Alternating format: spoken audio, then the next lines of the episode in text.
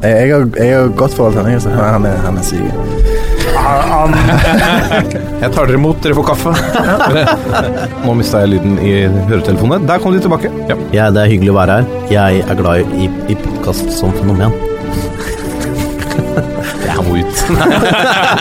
hjemme mot Lyngen Karnes gikk de på et litt leit 0-19-tap eh, her. Hvilken divisjon snakker vi? Er det tredje eller fjerde? Fjerde, fjerde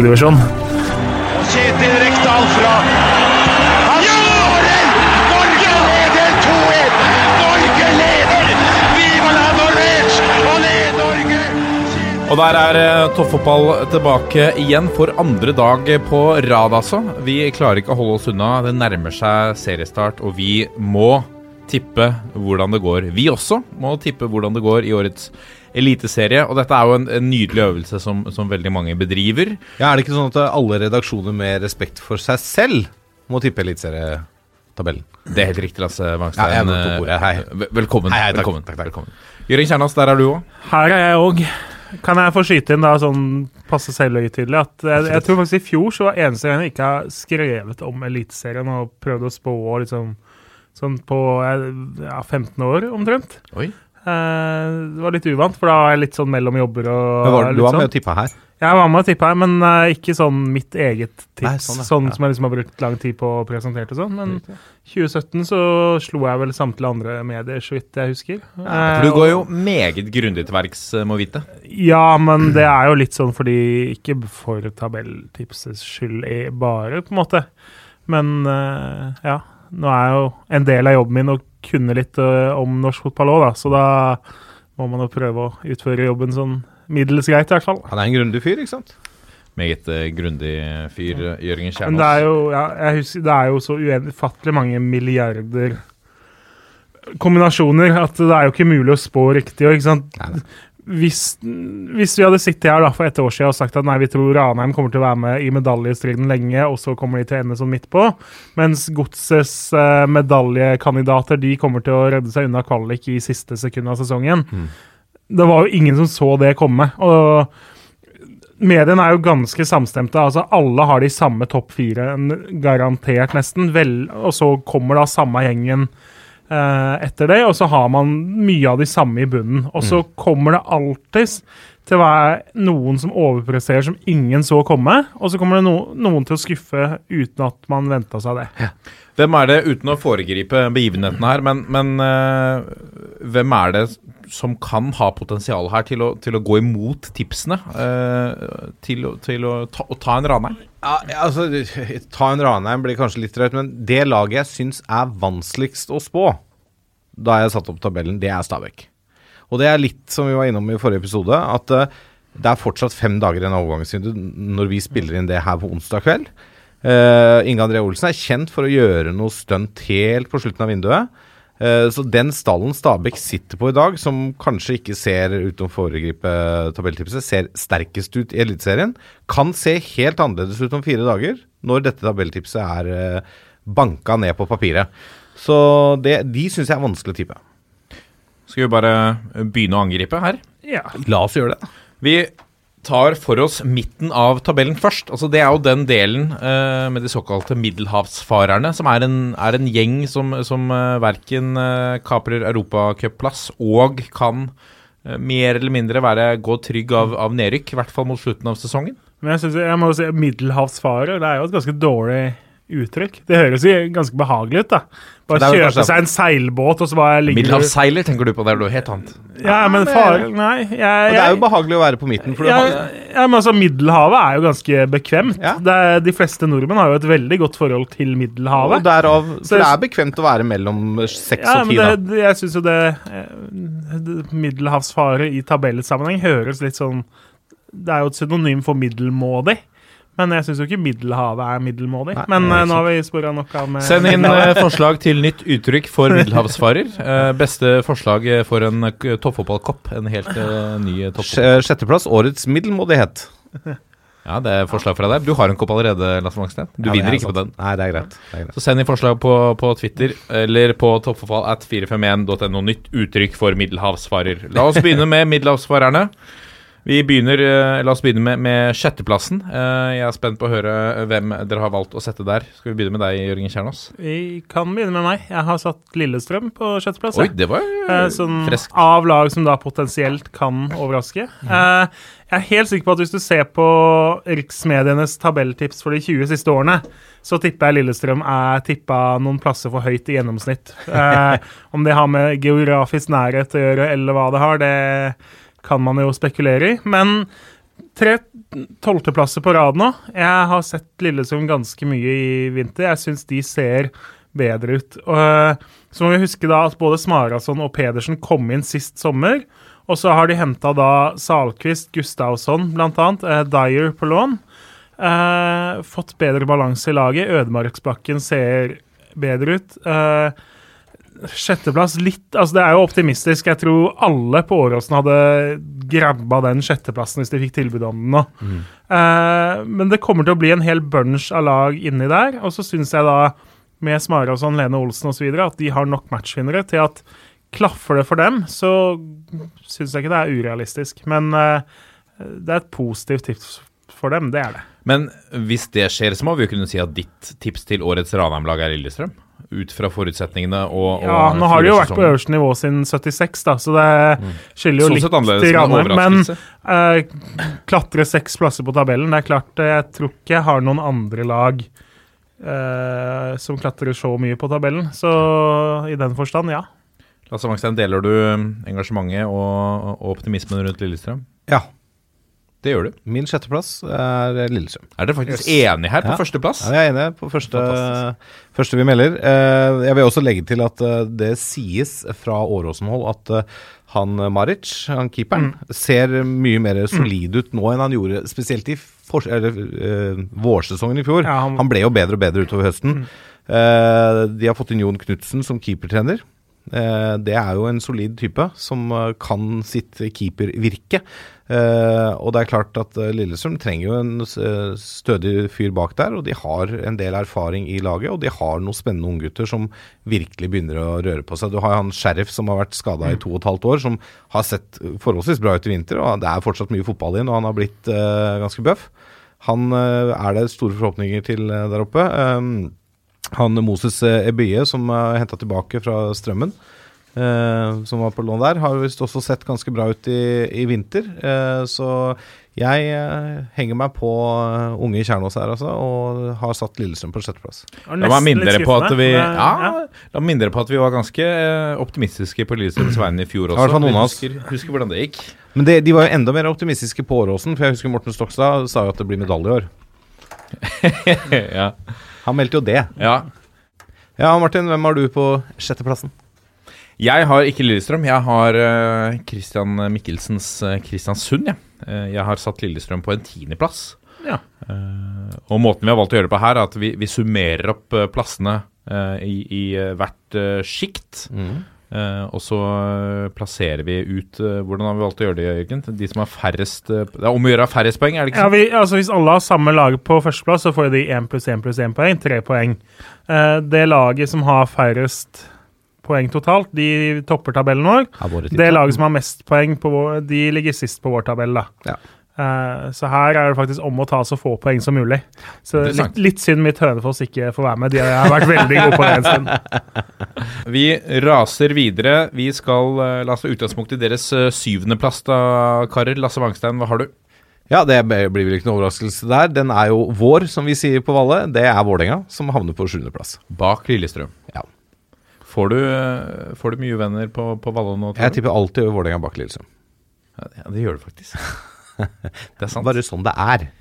Altså, eh, nei da, altså for å være litt seriøs. Jeg syns alltid og, altså du, Jørgen sier at eh, Lillestrøm er kanskje det laget som historisk blir tippa for høyt. Eh, det er ett lag som ligger foran her, og det er Vålerenga, tror jeg. De blir tippa generelt sett altfor høyt eh, foran foran seriestart, syns jeg. Um, ja da, det er, det, er, det er gjort noen fornuftige signeringer på Valle eh, i vinter. Henta en litt mer eh, erfaring og voksne spillere. Johan Lærdre Bjørdal, eh, Matti Williamson sant? Henta en eh, kul spiller som David Vega fra Brann. Eh, og ikke minst Herolin Sjala som har sett fantastisk ut i vinter. Eh, Han kan bli en ordentlig helt eh, på Intility, men det er den derre Altså, jeg, jeg føler det er noe så uforløst oppe på Valle der. Eh, og jeg er så usikker på om de klarer å stabilisere seg. For det, forskjellen på topp- og bunnivå i Vålerenga tror jeg nesten er større enn noen klubber i fjor. Altså, På sine beste dager i fjor så var Vålerenga helt fantastiske. På sine verste dager så så de ut som et nedrykkslag. Eh, Det så ikke ut som de hadde vunnet en kamp i Obos-ligaen engang. De må få opp bunnivået, og de må, må få liksom et høyere jevnt nivå.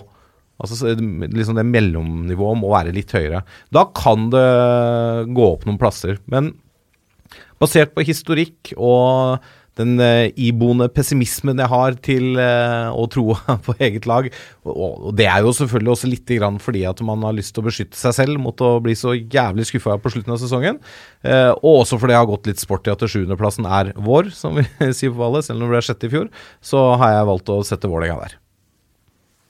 Jørgen Kjernås, deler du oppfatningen? Nei, jeg, har, jeg skal ikke snakke om Vålerenga i den bolken her uten å røpe for mye. Selv om vi røper ganske mye ved å si det. Jeg har Haugesund på syvende.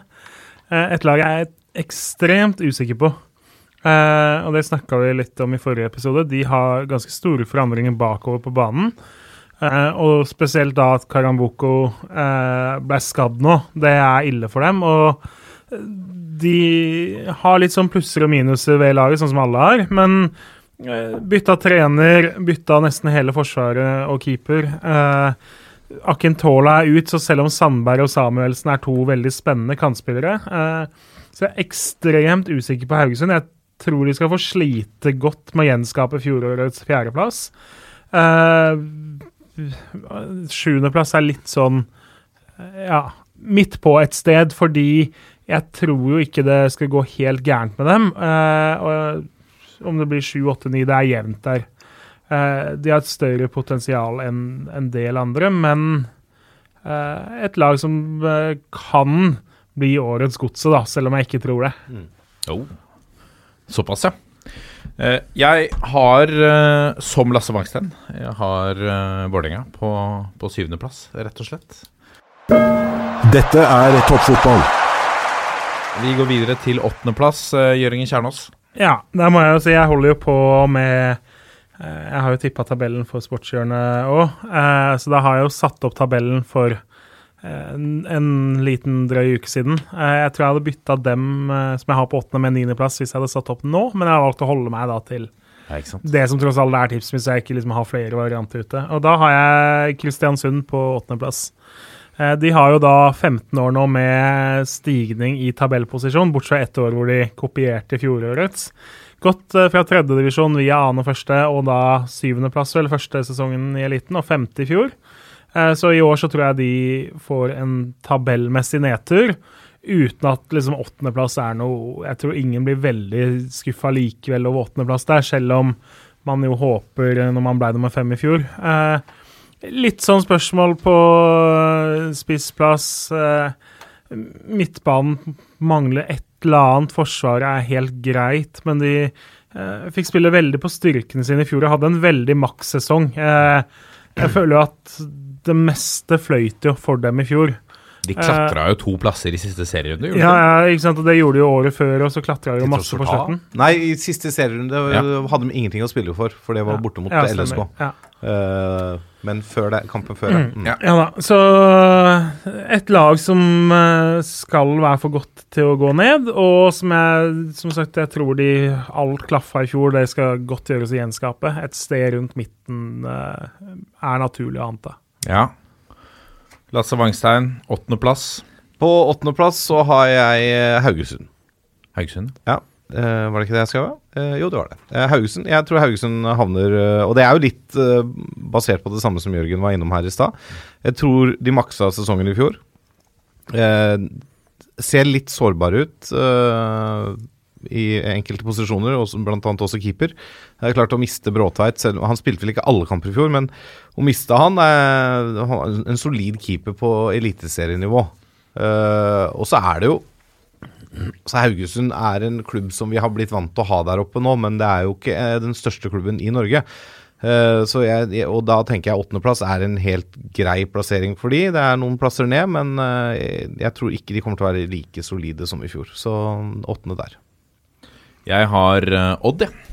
Odd, ja. Mm. det er litt sånn Det er litt sånn Egentlig mest fordi at jeg, jeg ikke helt vet hva de kommer til å finne på. Det er litt eh, ubeskrevet, det som skjer i, i Skien. Nå har de signert Sander Svendsen. Jeg tror det kan være bra. Og Dag Eilif Fagermo er en luring, men, men eh, jeg har ikke sett nok til Altså, han kan jo gjøre mye ut av lite. De kan jo melde seg på i Europaligakvalik og skåre tredje færrest. Vi går videre på niendeplassen. Hva har vi der, Lasse Wangstein? Eh, der har vi Odds ballklubb eh, fra Skien. Det er litt som du var innom, Martin. Det er litt vanskelig å vite hvor du har Odd, eh, og hva de kommer med, og hvor de havner.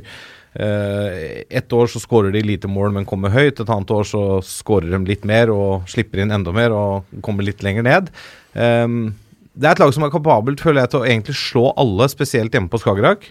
Og gjøre det vanskelig for de fleste. eh, men som kanskje mangler de der toppene eh, i spillerstallen til at det går helt inn til topp fire, da. Uh, men Ja, for det er en jevnt brukbar stall. ja, ja, for all del. Er, altså, de har en solid keeper, de har solide stoppere. Altså, det, er, det er solide spillere der. De er blanding av Matchvinner på høyrebekk. ja, ja, ikke sant? De har en blanding av erfaring og ungt pågangsmot og talenter. Uh, Og noen litt midt i smøra der, så sånn sett så ser det jo ganske greit ut. Ehm, Men eh, litt avhengig føler jeg nå i hvert fall at uh, Rashani får en drømmesesong. Men da kan jo han fort ryke til sommeren, ikke sant. Hvis han er kjempegod på vårparten nå, så blir han solgt i sommervinduet. Uh, og avhengig av å få enten i gang Sander Svendsen eller Torgeir Børven på målproduksjonssida, da. Ja, du, du kan liksom ikke lene deg på en høyrebekk på 4-35 år. eh, At han skal skåre 8-9 mål og ha 7-8 assist hver sesong. Det, det går ikke. Men det er gøy å se på. Det er kjempegøy. Jørgen Kjernås, Jeg har også også Odd på niende. Det Eh, meste er vel egentlig sagt. Og det eh, De har skåra ekstremt lite mål de to siste sesongene. Jeg tror de har skåra tredje eller fjerde minst eh, begge de to foregående sesongene. Eh, så det er åpenbart hvor problemet ligger der. Og så ser jo da Rashani ser jo on fire ut. Og eh, potensialet er der, men jeg, et sted rundt midten føler jeg meg ganske trygg på at de eh, blir. Men eh, eh, av de lagene Selv om jeg har dem bak Kristiansund og Haugesund, er jeg nesten så liksom jeg frista til å si at ja, Odd kan også blande seg oppi der, fordi ting blir jo aldri som vi tror. Nei, nei.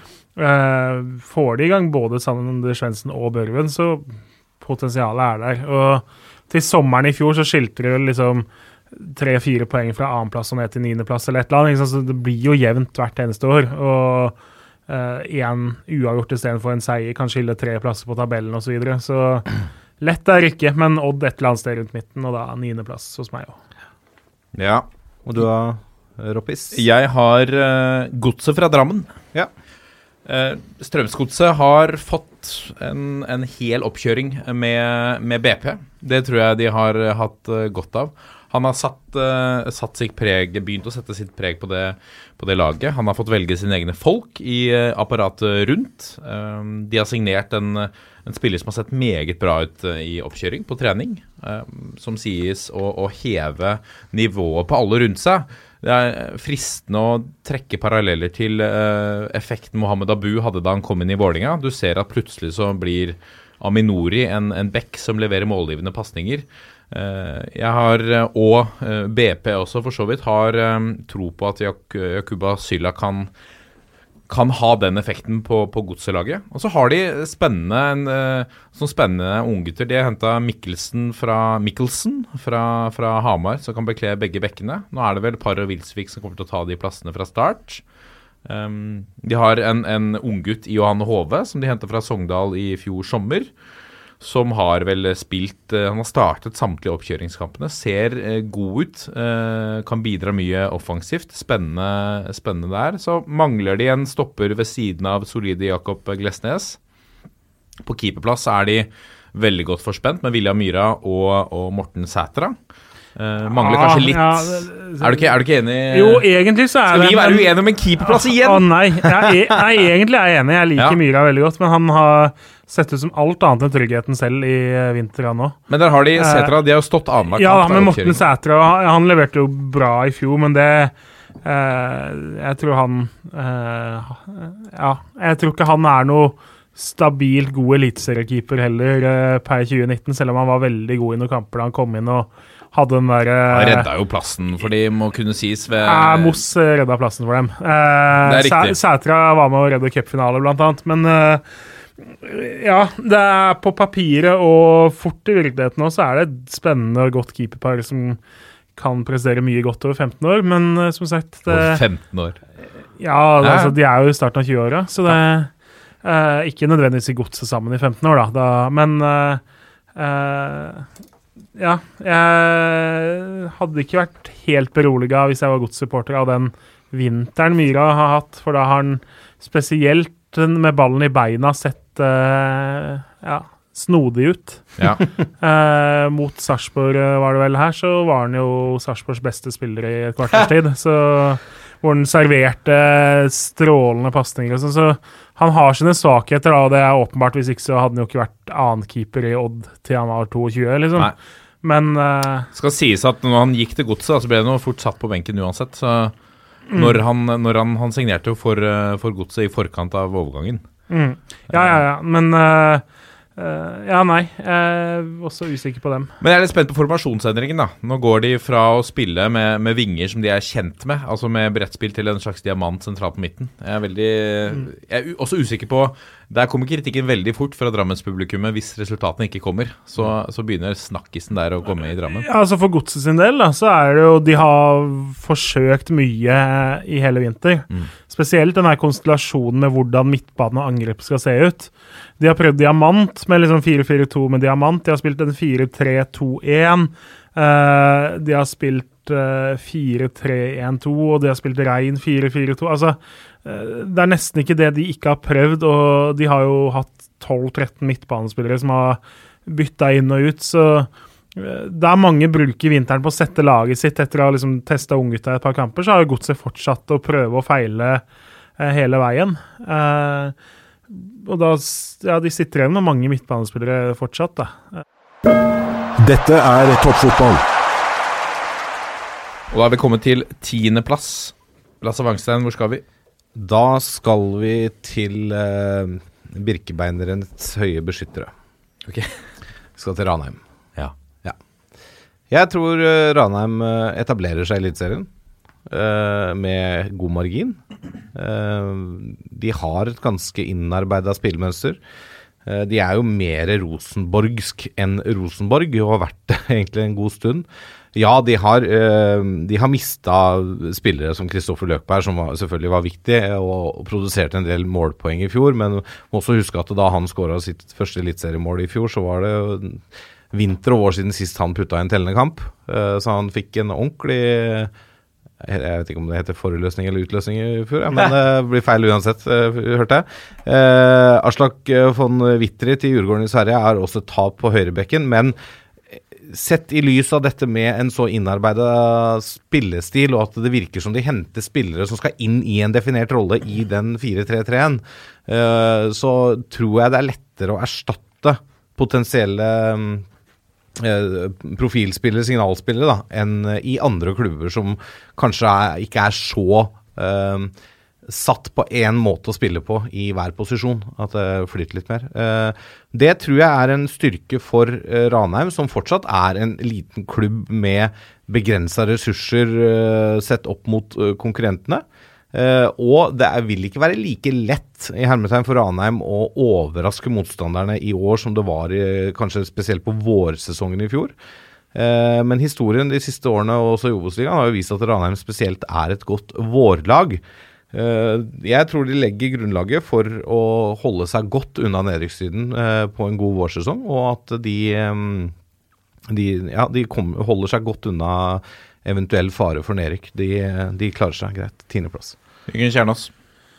Jeg lurer på hvem jeg har på tiende, eller hva vi skal si om Ranheim. For det er Tiendeplassen ja, din. tiendeplassen min. Ta så- tiendeplassen. Ja, eh, Jeg tror da Lasse Wangstein eh, er mer optimist på Ranheims vegne enn det de fleste Nei, er. jeg tør ikke å være negativ. på det, Nei, det, jeg lurer på hvorfor. Forsa, forsa. Eh, Jeg har et lag hvor jeg sannsynligvis er langt mer optimist enn flertallet. Mm. Eh, Ikke bare her, men i landet. Jeg har Bodø-Glimt eh, på tiendeplass. Eh, som vi sa i forrige episode, altså de har den beste vinteren av alle. Eh, vant vel åtte av ni kamper. Og så skal man ikke legge for mye i det, fordi det er mer trening enn det er kamp. Og når de møtte Junkeren og Mjølner, så var det to lag som hadde hatt veldig lang juleferie osv. Men eh, jeg har latt meg imponere over en del av unggutta der. Uh, Patrick Berg ser kjempegod ut. Uh, Fredrik Bjørkan blir en habil back. Og så har de brødrene Hauge, de har Håkon Evjen. Altså, de har masse spillere som jeg gleder meg til å se hvor er om tre år. Så syns jeg ikke de fikk nok ut av Sinkernagel og Lajoni på kantene i fjor. Eh, og så er det jo mye åpenbart at de mangler en ordentlig toppspiss. Eh, de mangler litt bredde i forsvar fortsatt. Altså, de er jo på papiret kanskje laget som er mest svekka, sammen med Ranheim. Eh, men likevel, jeg har latt meg imponere over en del av de unggutta. Og så er det et stort men her, og det er at de har et veldig tøft program i starten. Eh, på de fem første hjemmekampene sine så møter de da Rosenborg, Molde, Sarpsborg og Brann i fire av dem. Eh, så av de ti første kampene til Glimt, så er det bare hjemme mot Lillestrøm hvor de er favoritter. da. Uh, oddsmessig kommer de til å være underdogs eller jevne i uh, de ni andre. Så det vil si at Glimt kan stå igjen med seks, sju, åtte poeng etter ti kamper uten at det er sjokkerende. Og så bedres jo programmet etter det, hvor de da møter enklere lag hjemme og må sanke poengene der, da. Eh, men nei, jeg har tatt tiendeplass der, for jeg, jeg har latt meg sjarmere av dem i vinter. Og da skal vi rett til bunns. Vi skal begynne med 16.-plass. De, det laget dere levner minst hva, hva heter det? Minst sjanse. Minst sjanse i årets eliteserie. Hvor, eh, hvem vil begynne? Lasse Wangstein? Jeg kan godt begynne. Eh, ja, her har jeg vært veldig usikker altså, på de eh, fire-fem nederste, for å være helt ærlig. Eh, som ble en sånn magefølelse eh, her i stad, og da, det ble faktisk Stabæk. Helt på bunnen, ja. Helt på bunn. Eh, og det er eh, fordi Altså, det er jo da nå fem dager før vinduet stenger. Så dette kan det hende at jeg ville tippa noe annerledes etter 1. april. eh, basert på hva de henter nå de siste dagene. For de kommer til å hente. Men jeg syns rett og slett at Stabæk ser Altså, de ser veldig svekka ut. Daniel Granli gått til AIK, OI til Molde, som vi har nevnt. Eh, eh, Jon Husæter, som ikke spilte alle kamper, men han er solid. eh, fin fyr å ha i, eh, troppen. Han har eh, forsvunnet. Abdul Basita Guida, ikke noe sånn kjempetap, det, selvfølgelig, men du mister litt grann bredde da, ikke sant, på at han ikke er med lenger. Moussa Njay er et Altså, Moussa Njay i form for det Stabæk-laget har jo vært veldig viktig for det Stabæk-laget. Så jeg, jeg syns bare rett og slett de ser svekka ut, når du ser på hva de har henta inn også. Så, De har fått Luke Cassi, eh, som nesten er en overgang inn. da Tilbake fra skade, var ute i hele fjor, vel. Jo da, men det er litt sånn med Boli da, året før, ikke sant. At nå, eh, men de har Boli.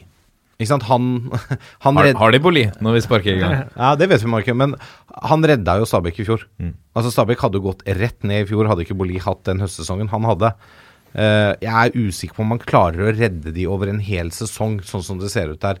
Uh, jeg, jeg syns ikke Stabæk ser veldig, veldig sterke ut. De uh, Jeg tror de vant seks kamper i hele fjorårssesongen, fem av de på Nadderud. Eh, de må få opp borteformen i hvert fall, men eh, Nei, De det var vant- det. Ja. Ja, De vant vel bare Skien da det gjaldt helt på slutten her, tror jeg. Ja, Så ikke sant. Så det ble Stabæk, gitt.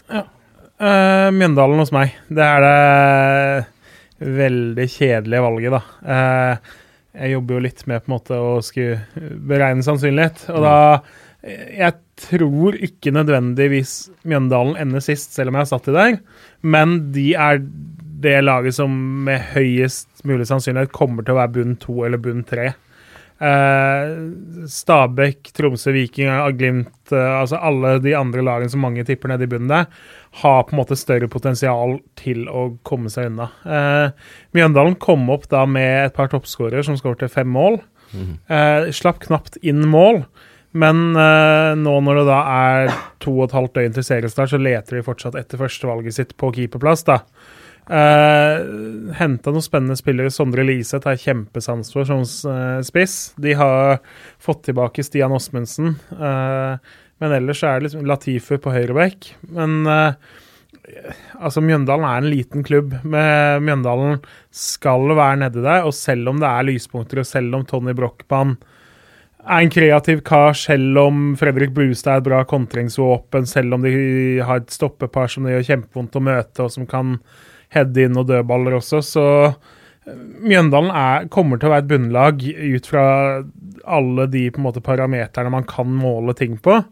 Uh, så det, jeg liker det jo ikke. Jeg hadde liksom lyst til å ha de høyere. Ja, så det er på en eller annen måte en matematisk tilnærming som ja, du gjør til altså, ja, altså, Mjøndalen er, er sånn som Ranheim var i fjor. Da. At man regner med de skal være i bunn fordi de er minst, har minst erfaring. Har liten sjanse til å, snu ting på eh, sommeren hvis ting går gærent. Eh, ja, det For meg så er de et bunnlag, selv om jeg ikke liker å sitte og si det. For jeg liker jo klubben og eh, mange av spillerne de har. Men noen må jo sist. Mm. Eh, det er jo det kjipe med tabeller. At eh, ett lag kommer til å havne på 16.-plass. Såpass kan vi spoile lytterne med. Eh, og det er en god sjanse for at det blir uh, Mjøndalen. Ja, Og vi kan vel teoretisk sett, sett få en del 15.-plass, men det Ja. ja. jeg skal ikke utbrodere så mye der. Jeg har også, dessverre, jeg deler oppfatningen eh, din. Hjerte Jeg vil gjerne ha de høyere opp eh, på tabellen, eh, Jørgen. Jeg er enig med deg, men jeg har også satt eh, Mjøndalen der. Vi krabber oppover tabellen. Vi skal til 15.-plass, Lasse Wangstein. Ja, der har jeg satt eh, Bodø-Glimt. Der har du satt glimt. Ja, jeg har det. Eh, også litt sånn Altså, de har en fordel av uh, Aspmyra. Sånn værmessig. Vind, regn, sludd. ja, men de har det. Ja. Eh, Noen vil si det er litt tynt, men ja. Jo, men altså, det, så, sånn er det. Det er litt vondt å komme opp på Aspmyra, liksom. Det, og det skal det være. Eh, de mangler en toppskårer, og han de henta inn som skulle være den nye spissen, har dessverre blitt skada med korsbåndskade og er ute sannsynligvis resten av sesongen. Endre Kupen har de ikke fått i gang. Han har hatt et, et lite tilbakefall, han også, og han ehm, Herrem. Herrem ja, har jo slitt med pusten i vinter. Eh, så de har ikke noen sånn derre klar spissalternativ. Lajoni, fantastisk uh, kantspiller, syns jeg. Ser meget uh, Og jeg har veldig sansen for Ulrik Saltnes på, uh, på indreløperen. Uh, og det blir spennende å se Patrick Berg. Men de har mista hærføreren, ikke sant? Martin Bjørnbakk. Den solide liksom granittblokka i midtforsvaret der. Kapteinen som gikk foran ikke sant, og, og dro med seg gutta. Um, ja, de har noen fine resultater i vinter, uh, men basert på den starten på sesongen de har, altså kampprogrammet de første ti kampene, da tror jeg de kommer fort til å være litt på hæla. Det blir vanskelig å hente inn. Så da, da falt jeg ned på den gule horde. ja. Tross tannbørsten på tribunen. Tross tannbørsten, ja. Den er, skremmer ikke lenger, den. vet du. Jeg har også uh, Bodø-Glimt på 15.-plass. Uh, det har ikke du, eh, Jørgen. Det har ikke jeg. Jeg har da Stabæk på min 15.-plass. Eh, som Lasse var innom, eh, de har mista mange. De er svekka. Eh, jeg syns de har henta en spennende stopper da, i han Madi Sviman, som eh, har beskjedne 14 skåringer på to sesonger som, i Estland. Det var er noe- eh, dørvakta, det. Ja, det er dørvakta. Ja, Eh, men Keita på midten eh, også forsvunnet Ja, i, uten å bli erstatta. Abubakar. Ja, og da ikke sant, med Njay og Ohi og alle. Eh, de har jo det mest spennende laget. Eh, hadde du skrudd eh, klokka fram til år 2024, og de da hadde hatt midtbanen med Børkeie, Vetlesen og Brynildsen, så hadde du ikke tippa dem på nedrykksplass da, fordi det er tre spillere som kommer til å nå langt. Og så likevel så mangler den midtbanen liksom litt rutine, litt tyngde og duellkraft. Eh, litt av det som Stabæk trenger da for å ikke være så uendelig naive som de var selv under Henning Berg, selv om det ble bedre med han. Eh, de var altfor enkle å skape sjanser på, eh, selv om da Wiman er henta inn. så er ikke det der et forsvar som jeg hadde følt meg komfortabel med å gå til seriestart med. Og I hvert fall ikke når midtbanen da er såpass ung og lett som det den er. Så Stabæk, for at ting skal bedres, så må Inge André Olsen trylle opp en god OI-erstatter. Han må trylle opp en god Keita-erstatter, og helst så skulle de hatt inn en Beck i tillegg. Eh, da begynner det å ligne på noe, men det er en stor oppgave selv for han på slutten av vinduet. Ja. Vi skal eh, fortsette klatringen. Vi skal opp til kvalifiseringsplassen. 14. som kjent. 14. Skal jeg ta den først? Ta den, du. Ja. Eh, Mjøndalen. Ja. Ja, de måtte vel komme hos deg snart, måtte de ikke det? Ja, de, ja, de var ikke topp fire. Det er helt riktig, Kjernås. Eh, Ja, jeg har satt uh, Mjøndalen der, og det er litt grann fordi at de eh, Altså, de, de slapp inn lite mål i fjor. Det er en fin ting å ha med seg inn i Eliteserien. Å være uh, Slippe inn, uh, slippe inn lite mål. Eh, så jeg, jeg tror de klarer å på en måte eh, komme seg til en kvalik. Og så blir det spennende å se hvem som kommer opp, og hvem de eventuelt møter i en kvalik, da. eh, I mitt tips. De har litt erfaring i den stallen. Du har spillere der som virkelig nå gleder seg til å vise seg fram igjen. ikke sant? Det har vært nede noen år nå. De var, blei litt sånn kjæledegger på én måte sist de var oppe, med denne TV-serien og alt det greiene der. Eh, blir selvfølgelig spennende å se hvordan Christian Gauseth blir behandla på banen utover sesongen, etter at han uh, satt og slang med leppa i hele fjor, som han selvfølgelig skal gjøre som ekspert. og det, er, det er bare Det gir jo alt bare en sånn ekstra dimensjon som bare er gøy, ikke sant? Det er jo bare å glede seg. Um, og så var det den fantastiske eh, presentasjonen av Stian Åsmundsen og eh, på kickoffet deres, eh, som jeg tror gir dem en boost inn i sesongstarten. Så nei, jeg, jeg tror Mjøndalen eh, er da på en måte eh, eh, Klarer seg i hvert fall inntil kvaliken starter, da. Så det er derfor jeg har satt dem der jeg har satt dem. Hvem har du, eh, Jørgen, på 14.? Jeg har ikke tenkt å love bort noen turer over noe fjell eller noe, men jeg har putta Ranheim på 14.-plass. Oh. Eh, Lasse sa jo at de er et vårlag, og det har de jo vært veldig ofte. Jeg har sett mer på det som at jeg tror på en måte høsten var da mer deres naturlige nivå, og at vårsesongen i fjor var den der entusiasmen og vi skal vise dem og vi har ingenting å tape-greia.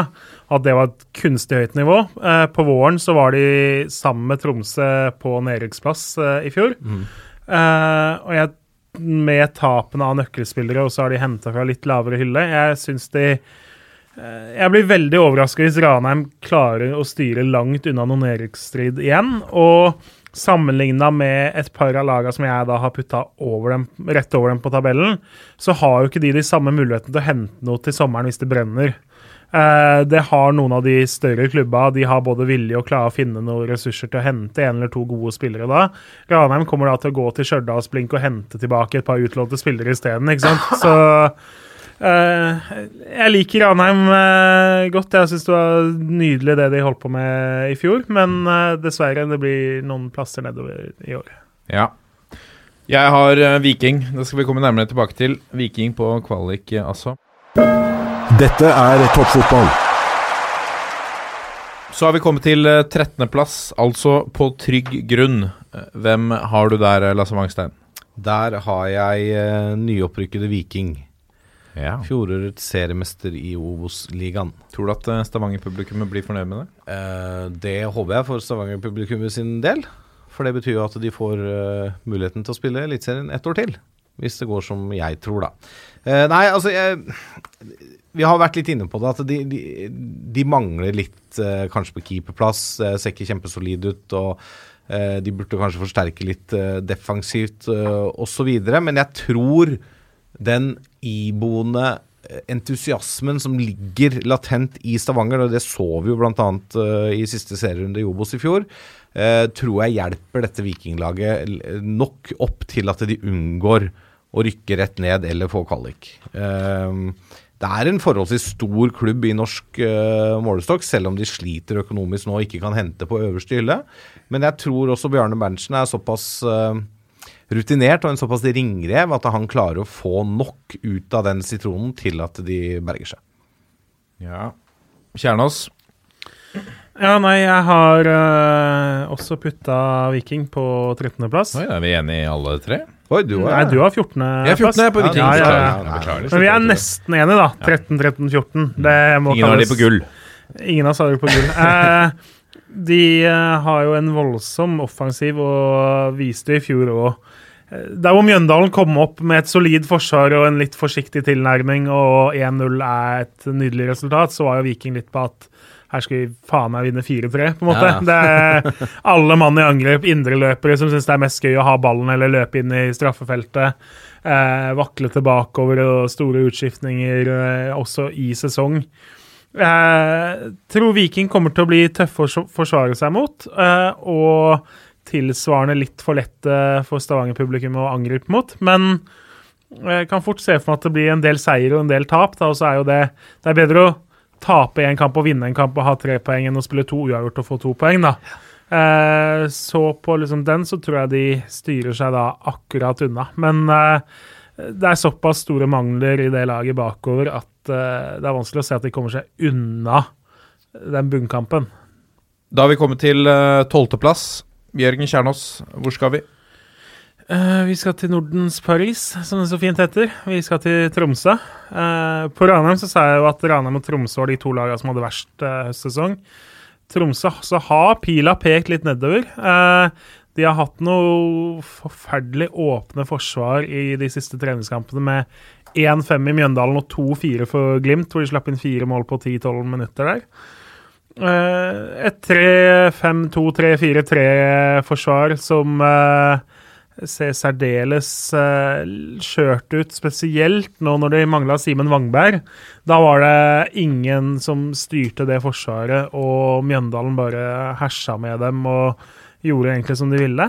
Eh, så har de jo tross alt altså De har mista Gjermund Aasen, som var den kreative kraften og den beste spilleren de hadde.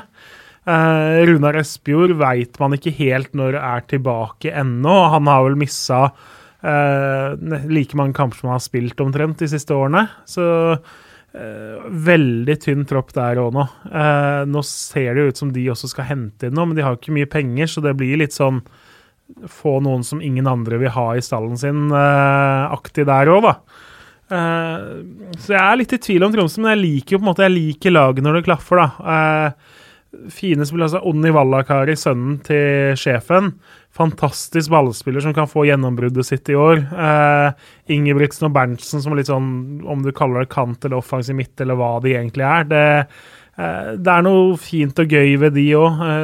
Taylor der, som utfordres da av Markus Pedersen, som har tatt kjempesteg. Eh, og de har masse unggutter ellers òg som er fine. Eh, så jeg, jeg er i tvil om Tromsø, det er jeg. Men jeg fant på en måte nok lyspunkter ved laget til å likevel klare å ha fire lag bak dem, da.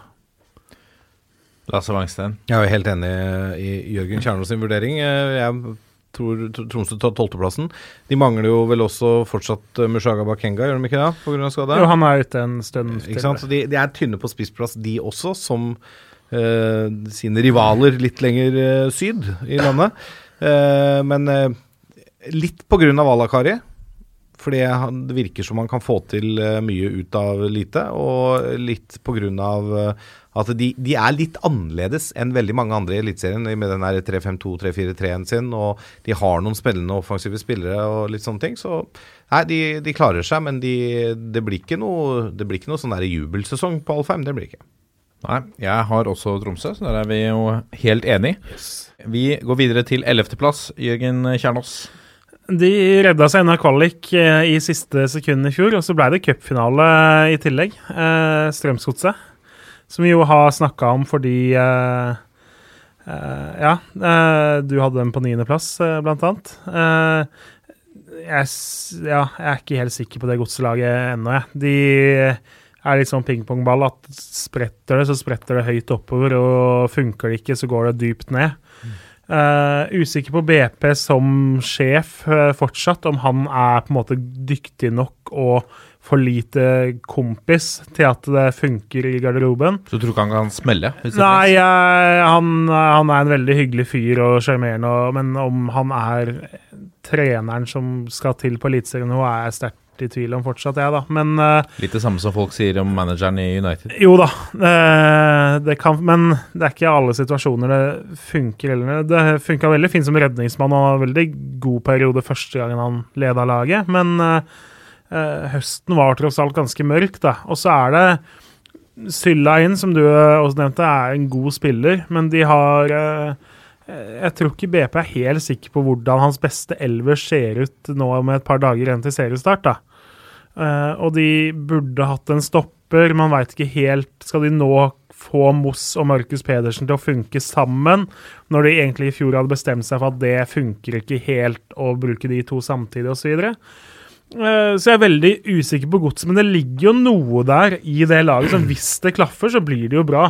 Er Sylla helt fantastisk, sånn som de håper og det snakkes litt om, så kan det i seg selv bety mange poeng for dem, og løsner det for Moss og Markus Pedersen, og de skårer da 13 mål hver, ikke sant? Så snakker vi jo en fjerdeplass isteden. Men eh, jeg er så usikker på det laget at eh, en ellevteplass føltes liksom tabellmessig riktig at de havner et sted i nærheten av det.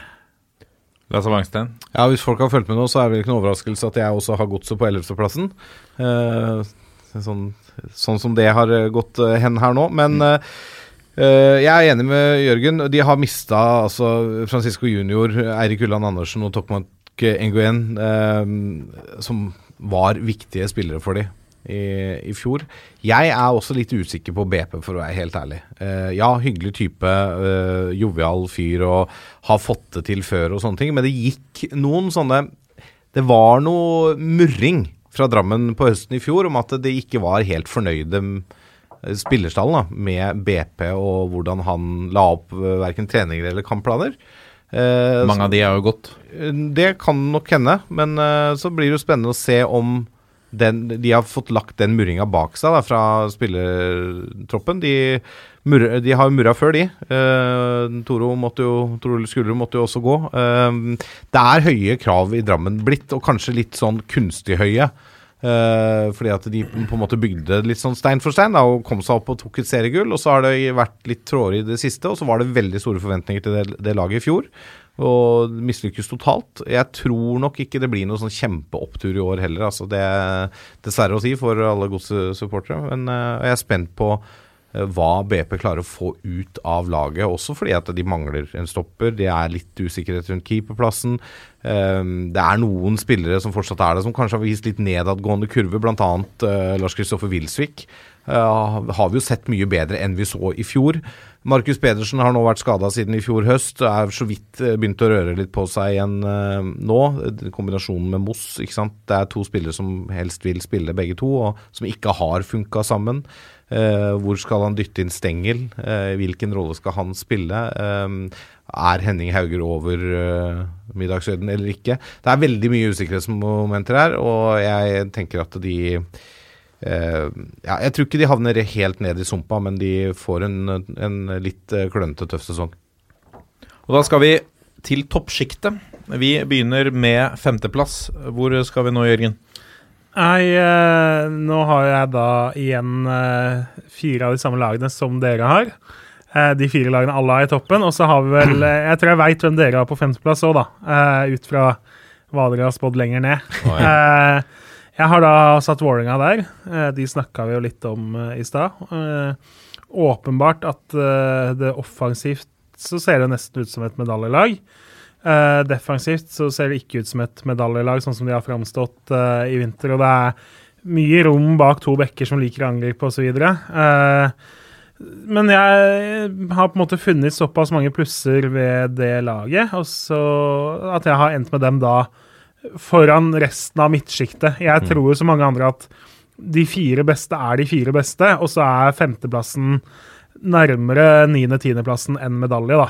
Ja, Det blir litt, litt som i fjor på én måte, kanskje. At det liksom fra femte til tiende så kan det være, skifte veldig de siste rundene. Mm. Du da, Wangstein? På min femteplass så har jeg da de evige klatrere Kristiansund. Ja. De havna vel på 50 i fjor også. Eh, og da Jeg tror de Altså, jeg, jeg, har, jeg har litt sans for det de holder på med der oppe, altså. Eh, de har Kastrati som er en sånn signalspiller ut av en annen verden. Og hvis han klarer å temme seg lite grann, så ikke han får elleve gule kort og karantene i en haug av kamper, ikke sant, så er eh, Kristiansund har nok å by på til at de er, altså, de er vanskelig å møte.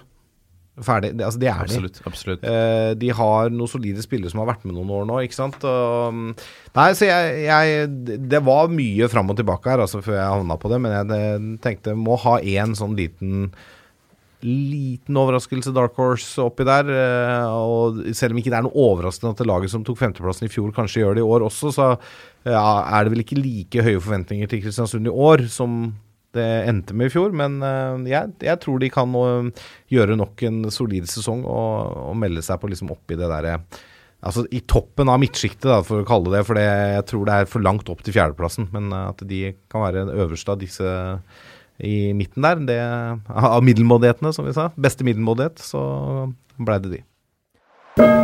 Dette er toppfotball. Og da har vi kommet til eh, fjerdeplass. eh, Den viktige fjerdeplassen som, eh, som jo kan medføre Europaligaspill. Kvalifiseringsspill hvis en av topp tre-lagene uh, vinner cupen. Ja, det er riktig. Så det, det, Så det er ikke dårlige odds Nei, det. men det er ikke som i England hvor topp fire er Champions League. Det er riktig. Så så viktig er ikke fjerdeplassen i Norge. Uh, og den kan fort være den sure fjerdeplassen, da, hvis uh, eh, 13. laget i Eliteserien vinner cupen. For da står du der uten noen, noe annet enn en fjerdeplass. Ja, eller hvis Hødd eh, tar det igjen. Ja, mulig. Men i hvert fall fjerdeplass. Eh, da tror jeg vi skal eh, til Bergen. Riktig. Jeg tror Brann eh, tar fjerdeplassen i år. De eh, Det er jo Altså, det er noe solid over et uh, Lars Arne Nilsen-lag. Uh, det er ikke alltid veldig blendende og sånn uhu, fotball, men eh, det er liksom noe solid. eh, Kontinuitet. ja, det er noen kontinuitet der, og han har noen knapper han trykker på. Han, han vet veldig godt hvordan han vil dette skal se ut. Eh, nå har uh, Bismar Acosta eh, blitt blid igjen og signert ny kontrakt. Da ligger det litt an til at eh, eh, Eggen Rismark ikke får veldig mye spilletid med det første i midtforsvaret til Brann. Og da er vi tilbake til Vito Wormgård og Bismar Acosta, som kanskje på våren i fjor var Eliteseriens helt klart beste stoppepar. De, de to klikka veldig i fjor vår og var veldig gode. og Får de de til å spille like Da blir de Brann et vanskelig lag å slå. og Da, da er de med oppi, oppi der og er de på fjerdeplass, så kan de like gjerne havne på andreplass. Det er mye tilfeldigheter i, i eh, fotballen. Fått inn Kristoffer Løkberg, som også er en sånn signalspiller som kan eh, like, altså veldig fort eh, ta en veldig viktig rolle i det brannlaget og, og løfte de, uh, de framover. Litt usikkerhet syns jeg rundt eh, deres to favoritter, eh, keeperplassen. Altså hvem skal stå, og hvor solide er de? Altså jeg føler ikke at Håkon Oppdal eh, lenger er en sånn åpenbar eliteseriekeeper på en toppklubb. Og jeg er usikker på om eh, Erik Holmen, eh, Erik Holmen Johansen er god nok til å være med i en klubb som skal ta en av de to øverste, da. Mm. men jeg tror allikevel, med det forsvaret de har foran seg, og den midtbanen de har foran seg, og måten de spiller på, at det på en måte blir litt i- altså Uansett om du bruker Oppdal eller Holmen Johansen, at eh, det går greit, da. Jeg tror ikke de kommer til å tape så mye poeng på en litt usikker eh, keeperplass. Så er det jo spennende å se om Bamba eh, skåre litt flere mål, men eh, det var vel en annen podkast jeg hørte her som nevnte at det er ingen spiss under Lars Arne Nilsen i Eliteserien som har skåra mer enn ti mål noen sesong. Ja. Eh, selv om han skåra vel ni i fjor i Kristiansund, gjorde han ikke det? Før han gikk til Brann? Jo, åtte eller ni. Ja, ikke sant? Og Han lå jo an til å bli toppskårer til han gikk til Brann. Men han gjør Altså, Bamba er en bra spiller. Han gjør mye bra for det laget. Eh, så jeg tror ikke Lars Arne Nilsen henta han utelukkende pga. målskårerferdighetene. Eh, og så har de henta Petter Strand, da, som er en spennende Spennende og anvendelig midtbanespiller. Kan be- bekle både kant og indreløper, for så vidt. Så Nei, altså, det er, det er, det er noe solid over Brann, men ikke solid nok til å havne helt på toppen. Vi har jo en pågående feide, du og jeg, Jørgen Kjernås. Jeg er eh, Team Holmen Johansen, du er Team Oppdal, som går på at du eh, var eh, klar på at du vurderte Håkon Oppdal som et soleklart mye bedre alternativ mellom stengene for Nå er bergenserne. det, Er jevnt, ja, eller? Det tabloide tilnærminger fra Ja, ja, programledere her, ja, ja. men eh, Eh, jeg noterer meg jo at uh, Bergens. Tiden Jeg Ja, jeg noterer faktisk et kors her, ser det ut som. Da kan du se hva Det er vel noe av underbevisstheten, det er skumle ting. Det, men uh, uh, Anders Pamer, som er kommentator og brannekspert i Bergens Tidende, var, uh, var samstemt i at eh, Oppdal var det minst dårlige valget i eh, det målet. Og Frode Lia, Josemar-legende, eh, var enig med programlederen. Ja da. Eh, Oppdal eh, satt på benken i serie Eller i eh, generalprøven, så det er jo ikke noe tvil om hvem som starter. og Sånn har det jo vært hele veien. Eh, så blir det jo veldig spennende å se hvordan det utvikler seg. Men Lasse sa jo noe sånt som at nå at uh, Bamba ikke var henta for å skåre mål i, uh, av Lars Arne Nilsen. Jo, det Ja, ja, for han Ikke sant? Lars Arne Nilsen liker jo Det er jo en grunn til at Henrik Kjelsrud Johansen ble henta. Jakob Orlov eh, fikk spille der i et par sesonger og var elska av Nilsen, selv om han var middelmådig på det spisser som regel målet si, nemlig mål. Eh, Bamba er jo ikke en sånn Nilsen-type. Uh, Bamba er god når han får lov til å bevege seg litt fritt, litt ut på sidene for å liksom søke inn mot bekken. uh, føre ballen sjæl og kunne utfordre. Han er på en måte god på de tinga som en brannspiss under Nilsen egentlig ikke skal være god på. da. Eh, så det har vært litt mismatch mellom han og måten laget spiller på. Også i siste kamp nå før uh, seriestart så spilte de jo faktisk 3-5-2. Litt fordi da Teniste ikke var tilgjengelig, og de har uh, tre gode stoppere. Uh, det funka kjempebra. Kanskje vi plutselig får se et lag altså Nilsen er jo 4-3-3-mann, som veldig mange andre trenere i Eliteserien. Kanskje plutselig vi får se en 3-5-2 eh, i løpet av sesongen også. Eh, og så syns jeg den midtbanen er det mest spennende, hvor da Petter Strand og Kristoffer Løkberg, det er jo Nilsen-spillere. Løper opp og ned som uh, indreløper utrettelig, bidrar med noe som løfter den midtbanen en dimensjon opp, da, selv om Fredrik Haugen er den beste spilleren de har, så er midtbanen som helhet bedre med de to der. Eh, og Ruben Yttergård Jensen har sett ut som en helt annen spiller nå enn det han gjorde i høst, hvor han var ikke så god som det man hadde håpa. Eh, men likevel, da. Eh, usikker på keeperplass, usikker på om de har nok matchvinnere framover, fordi kantene står for veldig få mål. Eh, de har ikke noen å bytte Bamba med hvis det ikke funker. Så de er avhengig av å få i gang Bamba på en helt annen måte enn det de har klart så langt. Og derfor ender jeg da opp med dem dårligst av de gode, på en måte.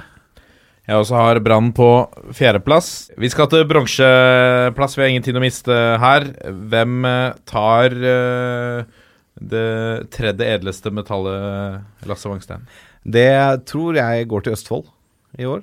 Til uh, Sarpsborg 08. Ja. Nå hadde de en sånn seriesesong i fjor som var litt under pari. Eh, Men de fokuserte jo, eh, og det var de veldig tydelige på, veldig på å få gode opplevelser i Europa. Og det lykkes de jo for så vidt med, selv om de ikke gikk videre fra gruppespillet. Men det var jo noen, noen kamper der og noen opplevelser der som var helt fantastiske for Sarpsborg-publikummet. Klarer de å ta med seg det engasjementet inn i årets sesong og bygge videre på det, og bygge videre på det som Geir Bakke og Berntsen har begynt der nede, så det så tror jeg at Sarpsborg nå på en måte løfter seg opp til medaljeplass. Og da får muligheten til å prøve seg på et nytt uh, europaeventyr. Det er masse spillere inn og ut igjen, som det ofte er i Sarpsborg. De har jo nesten to uh, jevngode elvere å spille på der nede. Kanskje litt tynt på, på backplass, og så er det litt spennende å se nå hvor eh, lenge Jørgen Horn er ute av spill. Han fikk jo en forferdelig stygg øyeskade i en treningskamp mot Vålerenga tidlig i vinter. Knakk vel noe bein inni eh, øyehulen der. og Nei, det var ikke noe, noe pene greier. Eh, men eh, henta Nicolay Næss bl.a. fra, fra Heerenveen, Jonathan Linseth fra Mjøndalen, som har sett fantastisk ut i enkelte kamper i, i vinter, og som får veldig mye skryt fra tidligere Mjøndalen-kollegaer, som nevnte Christian eh, Gauseth. Har henta noen spillere som de har veldig trua på, sånne unge eh, spillere som eh, sammenlignes litt med Krepin Diata, ikke sant. Altså, du, og så henter de noen de toner eller snakker litt ned, som andre kanskje har litt mer trua på. Uh, så jeg, uh, selvfølgelig, de, de merker at Rashad Mohammed er borte, men han var jo best i Europa. Og hadde kanskje ikke så mye sluttprodukt, men hva han kunne få til med fysikken og farta si, var jo eh, fantastisk. Eh, Tobias Heinz er et stort tap eh, for uh, Sarpsborg. Det er Patrick Mortensen òg. men jeg tror sånn totalt sett, da, med erfaringen de har, og at de trua de har på prosjektet der nede og alt det der, at det er godt nok til at de tar bronsen i år. Vi kan ikke snakke om Sarpsborg 08 uten å snakke om Jørgen Strand Larsen, som vi gjorde i forrige episode også, Jørgen. Ja, nei, nå spiller vi jo inn dagen etter at han var med å skyte Norge G19 til eh, et nytt EM-sluttspill også. Skårte to og var da sterkt delaktig i det tredje målet, som var et selvmål. Eh, elleve mål i eh, løpet av vinteren og spiller med selvtillit og er er en målskårer, rett og slett. Han uh, dukker opp inn i feltet og får pirka ballen i mål. Skårer både fine og stygge mål, da. Uh, det finnes jo noen fotballspillere som omtrent bare skårer uh, drømmemål, og noen som kun skårer stygt. Han har liksom hele arsenalet med skudd og headinger og taklinger og alt mulig for å få den ballen i mål. Så veldig imponerende. Og så er jo De har jo faktisk beholdt da Kristoffer Sakariassen. Eh, kan snakke om, altså Mohammed var jo viktigere i Europa. Eh, Heinz inn og ut av laget. Mortensen var viktig for det laget. Men Kristoffer eh, Sakariassen er den viktigste enkeltspilleren deres. Så at han har blitt, er både overraskende, men for Sarpsborg sine medaljesjanser definitivt gledelig. Eh, og så håper jeg I noen kamper nå så har de jo testa ut 3-4-1-2, fordi de har mangla såpass mange forsvarsspillere. Uh, og Det har sett veldig artig ut. De skårte fire mot Godset og fem mot Kongsvinger. Kristoffer Larsen fikk uh, seg en litt sånn fri rolle. og Det har han hatt én gang tidligere i karrieren, og da redda han Hønefoss i førstedivisjon. Kristoffer uh, Larsen er en artist, da, så selv om han kanskje og sannsynligvis spiller en birolle i Sarpsborg i år, så er det det er en av de spillerne jeg blir glad av å se på eh, spille. da. Eh, han, Gjermund Aasen, altså sånne typer spillere som har det lille ekstra, som har den lille lekenheten. da. Eh, alt er ikke bare liksom maskinelt og innlært og gå på automatikk og skal følge et system. Det, det er det litt intuitive, litt uh, løkkefotballske. Så uh, Sarpsborg har et godt lag. Uh, har også beholdt Vasiotin, som jeg syns var spesielt i Europa god. Uh, har en bred stall, og så får vi jo se om disse nye Diatta og osv. Er, er det real deal. Eh, det, de har fått bare et par innhopp så langt. Men en bra stall, og jeg tror de havner marginalt foran Brann. I hvert fall sånn ting står nå. Ja. Jeg har også, Vi har alle Sarpsborg 08 på, på bronse. Så har vi kommet til det edleste metallet, for la oss uh, ta serievinneren først. Um, det er to lag som, som, står igjen her. Det er Rosenborg og Molde. Og hvem har du helt på topp, Lasse Bangstein? Der har jeg Rosenborg. Det er Rosenborg. Ja. Det er, um, det er erfaring. Det er uh, vinnerkultur. Uh, det er solide spillere i alle ledd.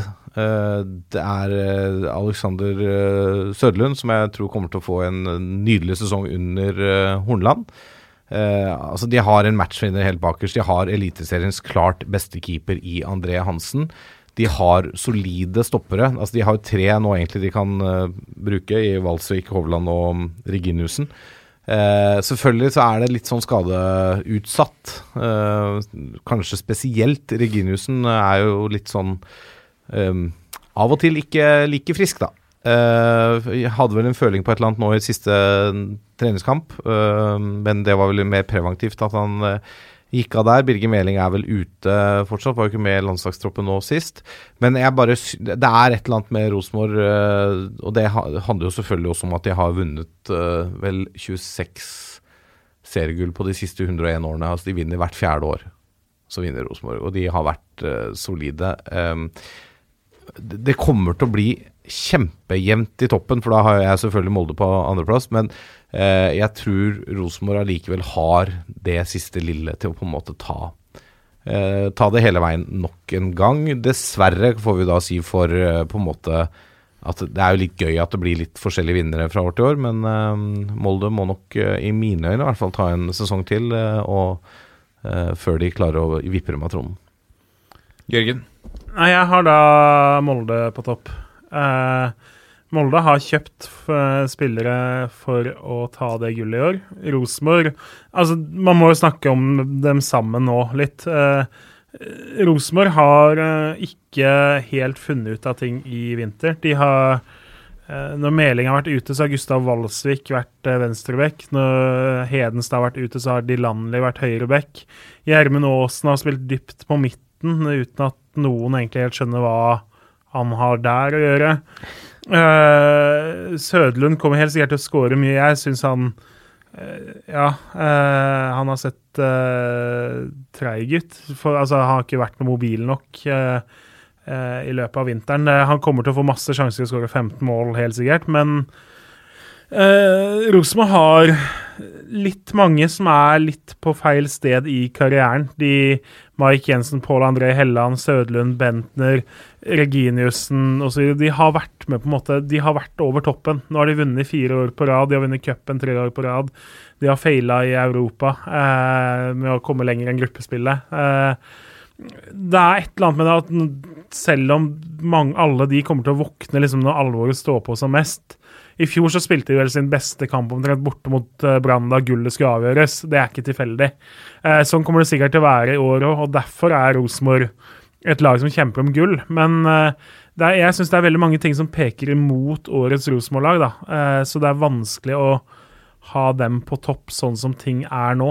Eh, og ting har liksom vært litt kaos i og rundt klubben, da, med Ingebrigtsen som fikk sparken, og så ble det rettssak, og så krangla de med Horneland om eh, når og hvordan og hvor mye det skulle koste å få han til Trondheim.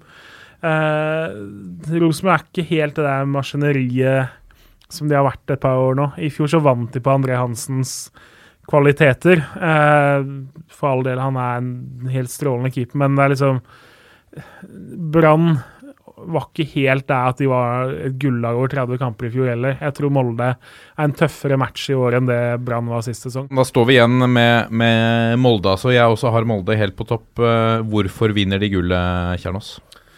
Nei, altså nå har de De har en fantastisk bredde offensivt, eh, hvor da eh, Hestad og Eikrem står for mye målpoeng og kreativitet offensivt. Og så har de da Ulland Andersens fot, de har Ohi som da, i motsetning til hvordan han var plassert i Stabæk på høsten i fjor, så har han en rolle lengst fram på toppen av systemet, hvor han skal skåre målene og være inne i boksen.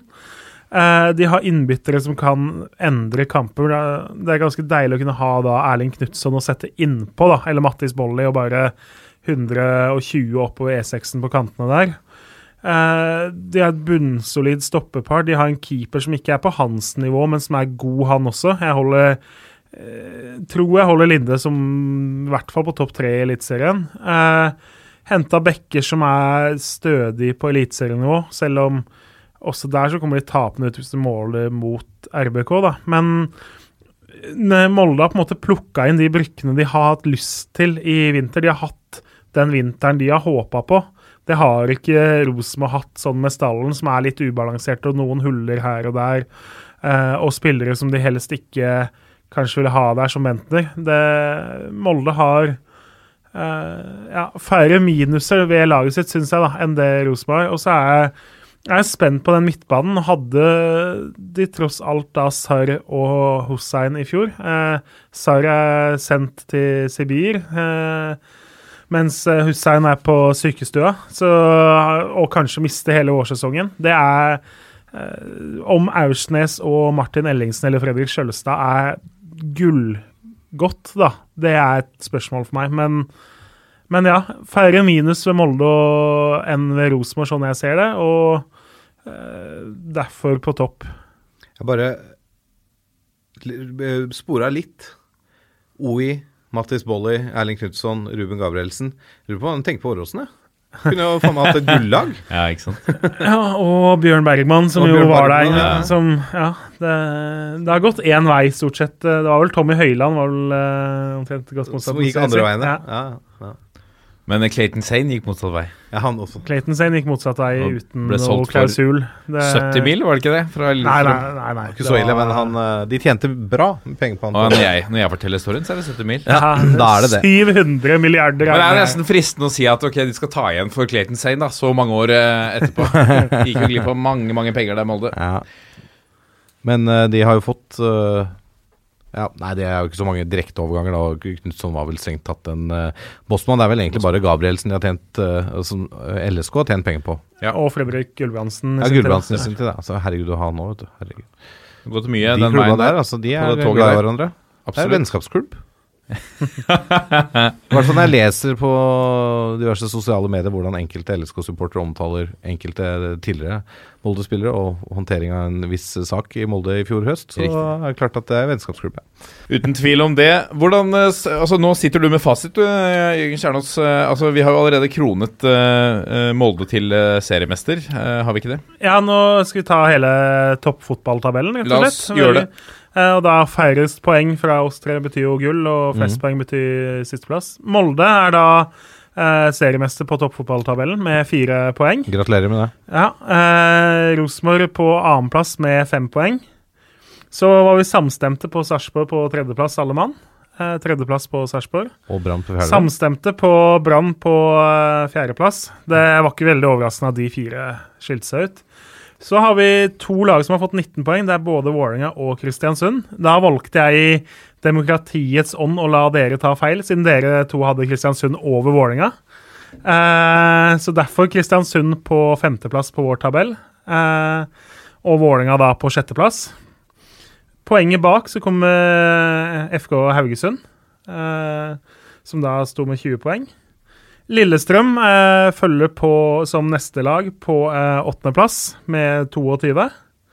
Og så Odd på niendeplass med 26 eh, poeng. Så er det et lite gap fra godset både opp og ned. Godset har 31 poeng på tiendeplass. Eh, og så kommer da Ranheim som neste lag. Eh, 35. Marginalt foran Tromsø, som da har 36 poeng, etter at alle av oss hadde dem på tolvteplass. Eh, I bunnstriden, så Viking og Glimt har vi da like mange poeng på, men siden begge av dere hadde dem på nedrykksplass, og altså under Viking, så eh, vil det si at Viking kom på 13.-plass hos oss. Eh, Glimt da på 14.-plass og kvalik. Så hadde to av tre hos oss Stabæk på nedrykksplass, og de er nest sist med 44. Mjøndalen hadde vi på 16, 16 og 14, og de ender da sist på toppfotballtabellen med 46 eh, plasseringspoeng.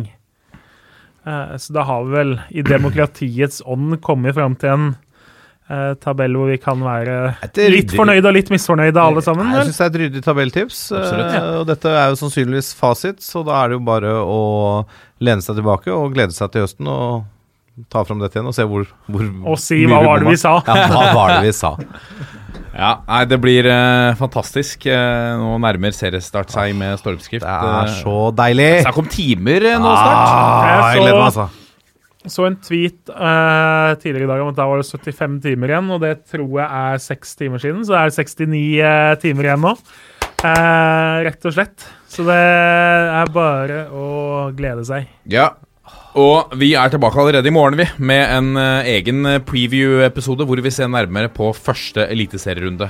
Nå skal vi runde av. Eh, vi er Toppfotball på Facebook, Twitter og Instagram. Gå inn og legg gjerne inn Var det fem stjerner, Lasse? Helst fem stjerner Gjerne fem stjerner på iTunes der. iTunes. Eh, eller send oss en mail på toppfotball at 451.no.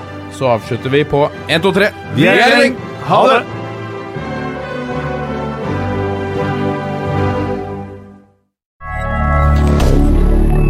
medier.